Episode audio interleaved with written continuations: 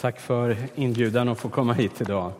Eh, på ett sätt att komma hem och på ett sätt att ringa in en lång historia där den här referensen till de här åren i Uppsala bara är sluttampen. Och ni som känner mig över tid skulle veta att eh, åren i Bangkok har nog format den här predikan mer än de sista åren i Uppsala.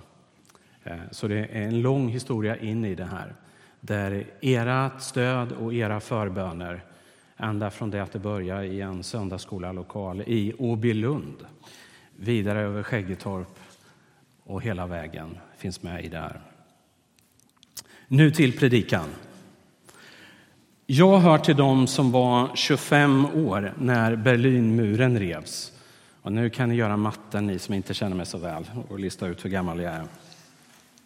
Och jag läste vid den här tiden andra året på Örebro Missionsskola. Och vi såg i realtid på kvällarna där hur den här muren revs med alla möjliga tillhyggen. Man karvade, det var några grävskopor, men folk var med händerna allt man kunde få tag i för att riva den här muren. Och några år senare så såg vi ett förändrat Europa. Vi kunde röra oss utan pass. Den där lilla fascinationen över att få massa stämplar i passet börjar bli allt svårare. Det liksom, man stod där med sitt pass, men det hände inget och det behövdes allt mindre. Och det hela såg ganska lovande ut. Det var liksom en annan värld som låg framför oss. Men så ser det inte ut idag. Nu byggs murar igen.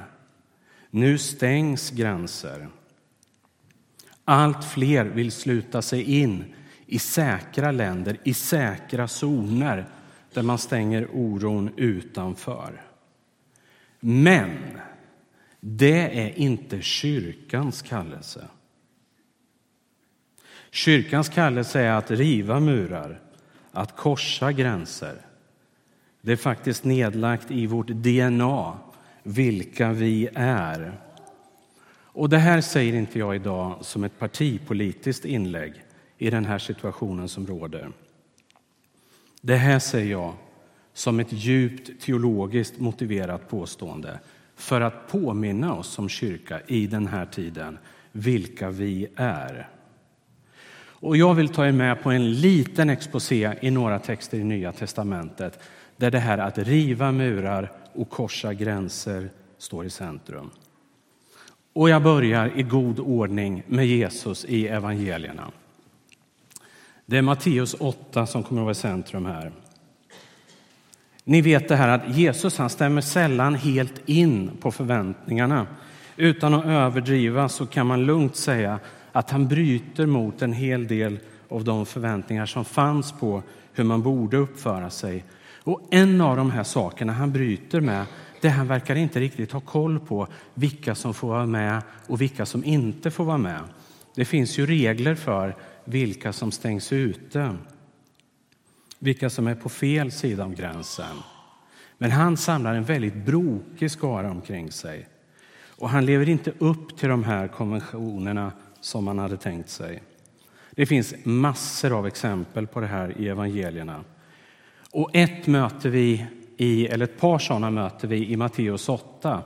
Det är efter den här bergspredikan. Jesus har varit på sluttningen vid Galileiska sjön och haft en förkunnelse som har slagit folket med häpnad, med förundran. Alla är liksom överrumplade över Jesu undervisning. Man tänker det här är fantastiskt. Här är läraren med stora bokstäver. Och så går han ner från berget och det är klart att alla vill fortsätta det här. Det är inte som liksom gudstjänsten är slut och så ska alla hem till sitt, utan här är man helt betagen av det som har varit. Så folket följer med. Och då händer den här scenen. Det kommer en spetälsk. Och det som händer, som chockerar alla, det är att Jesus rör vid den här spetälske. Och sen helar han honom. Hur, hur gör du, Jesus? Alltså strategigruppen runt omkring. Här är alla med. Det är en fantastisk rörelse. Alla vill se vad händer nu. Och då kommer det en spetälske som, eh, hör till en koloni utanför staden som är ceremoniellt oren på grund av sin sjukdom som ingen vill bli berörd av. Det finns olika regler för hur nära man får komma. Till och med om vinden blåser från ett visst håll så måste man ha ännu mera avstånd. Och den här spetälske, om den väljer att lämna kolonin och ge sig in i staden så ligger det på den här spetälske att se till att man inte kommer för nära någon. Det är därav man senare har det här med kanske en bjällra. Men på den här tiden så är det att ropa oren, oren. Och om vi nu har en gång här att komma i så fanns det nog ingen kring Jesus där, för alla ville vara nära. Men så kommer den spetälske. Kanske ropar han det här. Oren, oren. Ni vet det här ibland, om det är trångt så ser man flytta ihop er i bänkarna. Jag lovar, hade han kommit här på den tiden, alla hade varit där. Ni hade hängt i orgelpiporna där för att hålla avstånd. Det är klart att Jesus kunde ju följt konventionen här. Han kunde ha tagit ut lite avstånd så här. Stopp där. Vinden ligger på, någon har öppnat fönstret. Alltså, se upp lite här. Och så kunde han helat honom. Men den här spetälske kommer liksom ända fram till Jesus. Och vad gör han? Han sträcker ut handen och rör vid honom. Och sen helar han honom. Alltså det är ett dubbelt under som händer. Både det fysiska och att han bryter det här utanförskapet, den här sociala stigmatiseringen. Det, det hinner ju gå massor genom tankarna på alla som är med här. Alltså hela idén är ju att det här smittar. Men här verkar det vara Guds helande, Jesu helighet som smittar och helar den här personen. Det verkar gå åt andra hållet. Och alla sitter och funderar över ja, men det här med gränser och allting. Hur, vad händer här? I nästa scen, det blir inte mycket bättre, då kommer en romersk officer. Alltså sinnebilden för ockupationsmakten. Förmodligen en hyfsat hårdför person som har befäl över de andra stackarna som är satta i den här provinsen att hålla ordning på det här ganska bångstyriga folkslaget. Då kommer han och ropar om att hans tjänare är, är sjuk och behöver botas. Och Jesus botar den här tjänaren på avstånd. Alltså en till sån här gräns. Först har vi en spetälske som är utanför. Vi har dem i ett läger. De får inte delta i riten i det religiösa livet. Jesus bryter helt mot konventionerna. Sen kommer den här romaren, den här officeren som ligger på förtryckets sida. Och Jesus ogenerat helar honom och dessutom ger honom cred för hans starka tro. Det är klart att det här ställer väldigt mycket på ända. Här är det murar som rivs, gränser som korsas. Och Det här budskapet är tydligt och Paulus fångar upp det långt senare i Efesebrevet 2. Ni som är vana bibelläsare känner igen tanken skiljemuren har rivits mellan judar och hedningar. Alltså, det är lika grafiskt, lika verkligt som när man får tag i en hacka vad som helst 1989 i november och hackar på den där fördömda muren för att bryta det här.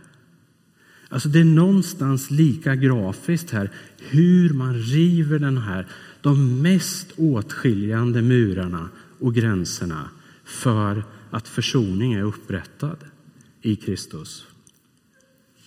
Det här skulle vi kunna hålla på och hålla på med, hur det här händer i evangelierna.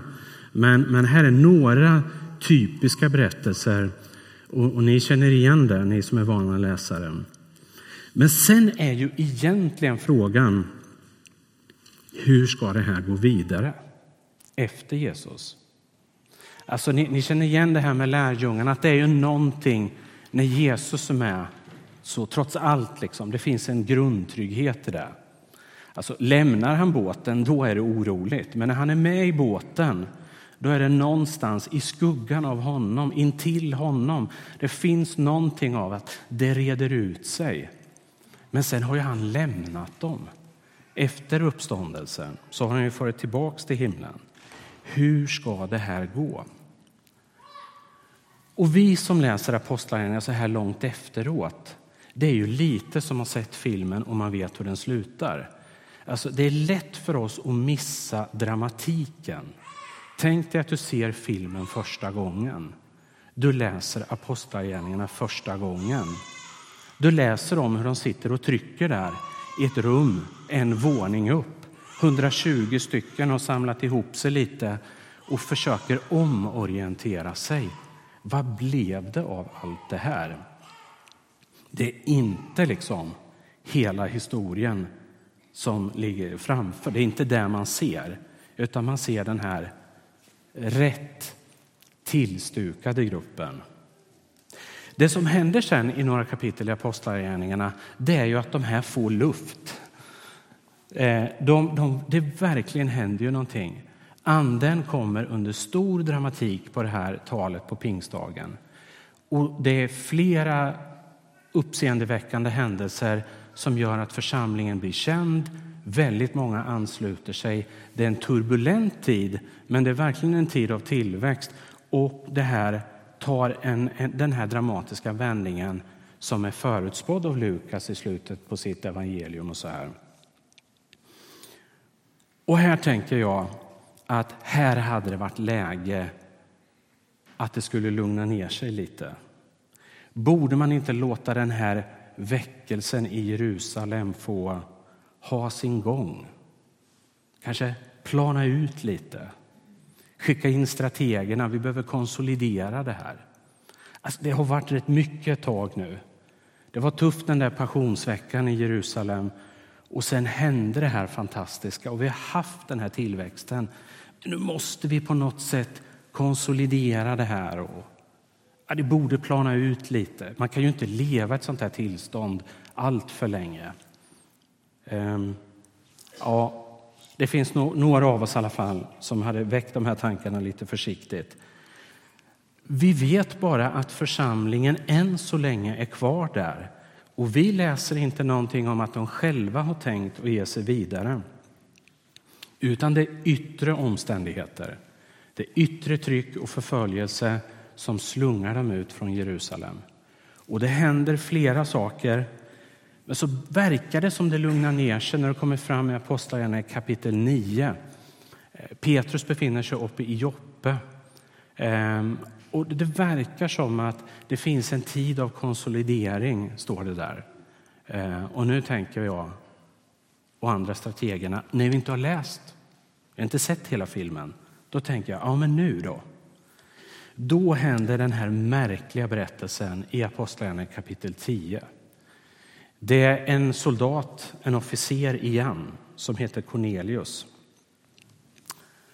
Och nu ska den helige Ande på allvar lära den urkyrkan, den första kristna kyrkan, att alla murar är rivna. Alla gränser kan korsas. Och då blir det en soldat, sinnebilden för ockupationsmakten igen då, och så Petrus. Och för att det här ska vara möjligt så får den helige Ande jobba för högtryck på två fronter samtidigt. Det som händer här i kapitel 10 det är att Cornelius är en from man, det vill säga han har funnits i det här landet ett tag och på något sätt fattat tycke för det som händer här och är en sökare, kanske vi skulle kunna säga. Han är gudfruktig, han närmar sig den judiska tron, kanske med inslag av Messias tro. Han får en syn. Skicka folk till Joppe och hämta en Simon där som bor i en Simon Garvarens hus. Och han är lydig, skickar iväg sina ordinanser, sitt folk där.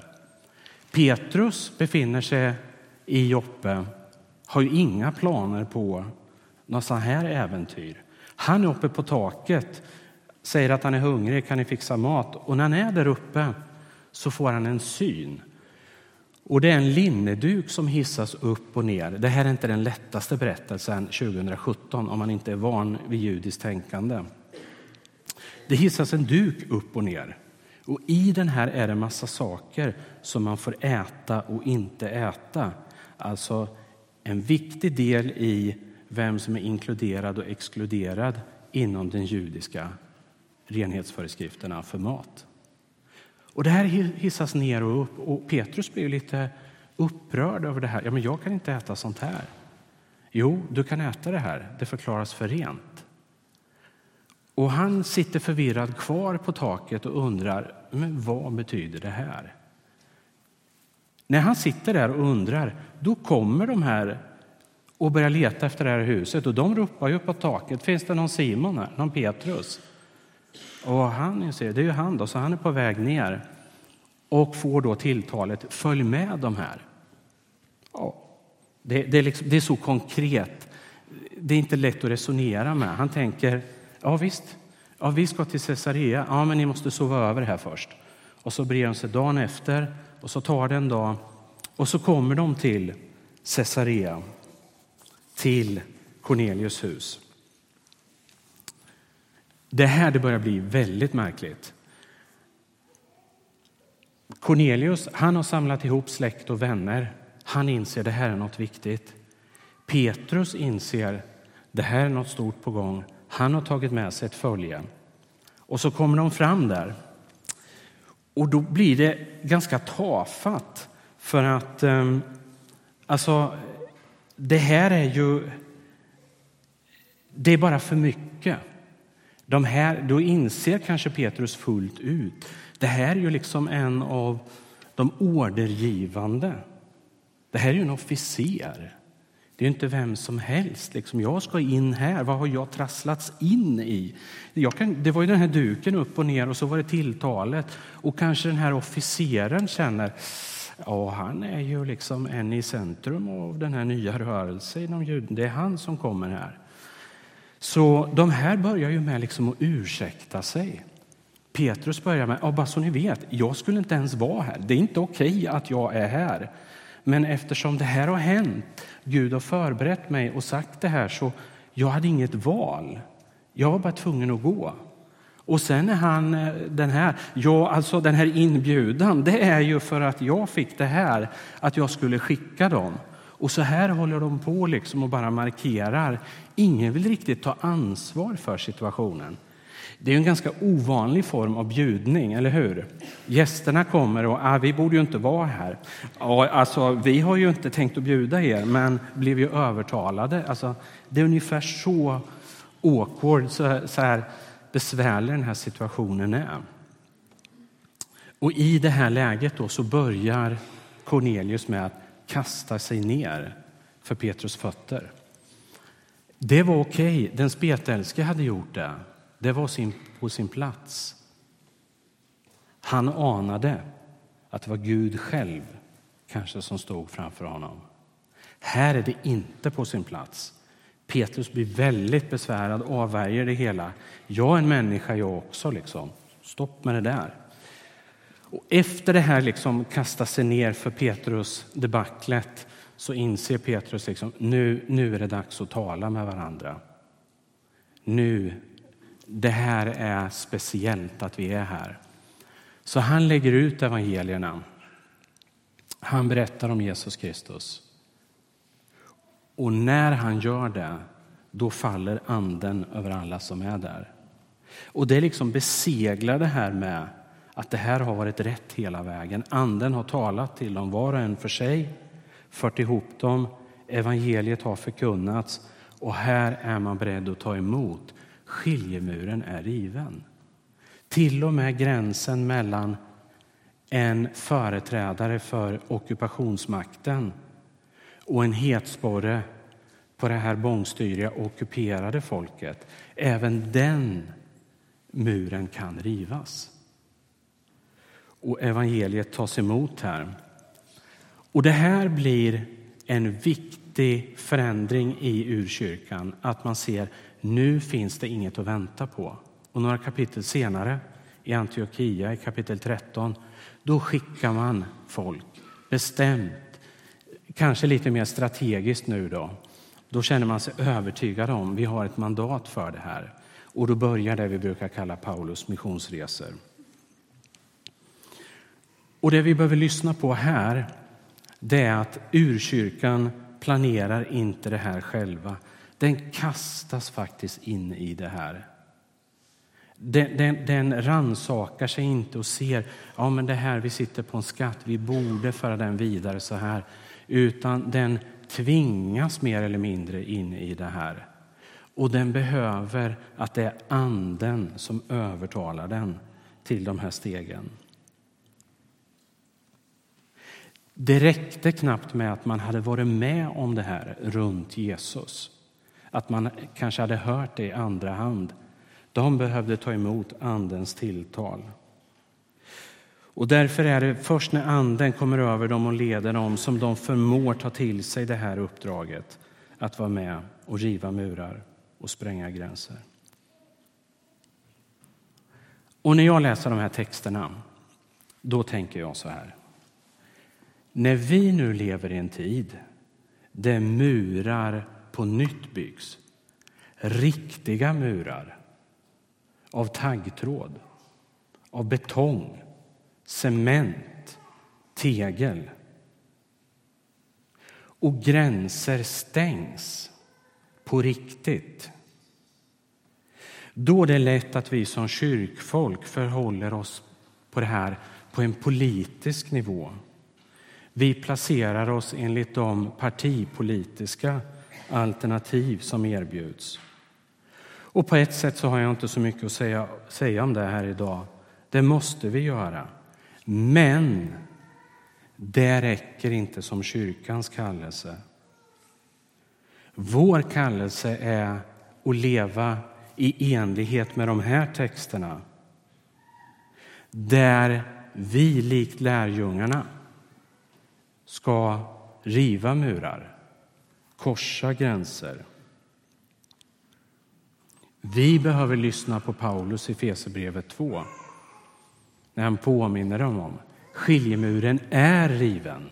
Det har hänt. Lev nu i enlighet med det här. Och Det här för oss fram till själva kärnan i den här predikan. Och det är att kyrkan kan bara göra det här när hon leds av den helige Ande. Och när hon gör det här så leds hon av den helige Ande. Då är Anden verksam i kyrkan. Och vi ska delta i det politiska livet kring de här frågorna. Men om vi växlar ner vårt mandat till vad som är politiskt möjligt, då säljer vi ut kraften i de här texterna. Och vi kan ju någonstans fråga oss, vad är det vår tid, vår värld behöver? Är det inte ett folk som river murar, som korsar gränser, ledda av Anden, så att Andens verk blir synligt i just det här? Och jag tror att den här församlingen, som jag en gång växte upp i och vars mission vi hört lite om här idag och kan läsa i historieböckerna över hur många gränser som har korsats. Visst finns det ett mandat. Visst är det inte bara en historia att leva upp till. Visst är det ett mandat idag att fortsätta riva murar och korsa gränser. Om det här i den omedelbara omgivningen eh, Jerusalem, Judeen eller jordens yttersta gräns spelar egentligen ingen roll. Vart än anden leder er. Ta emot de här texterna den här dagen. Lev i dem. Ta emot Andens sändning allt fort. Amen.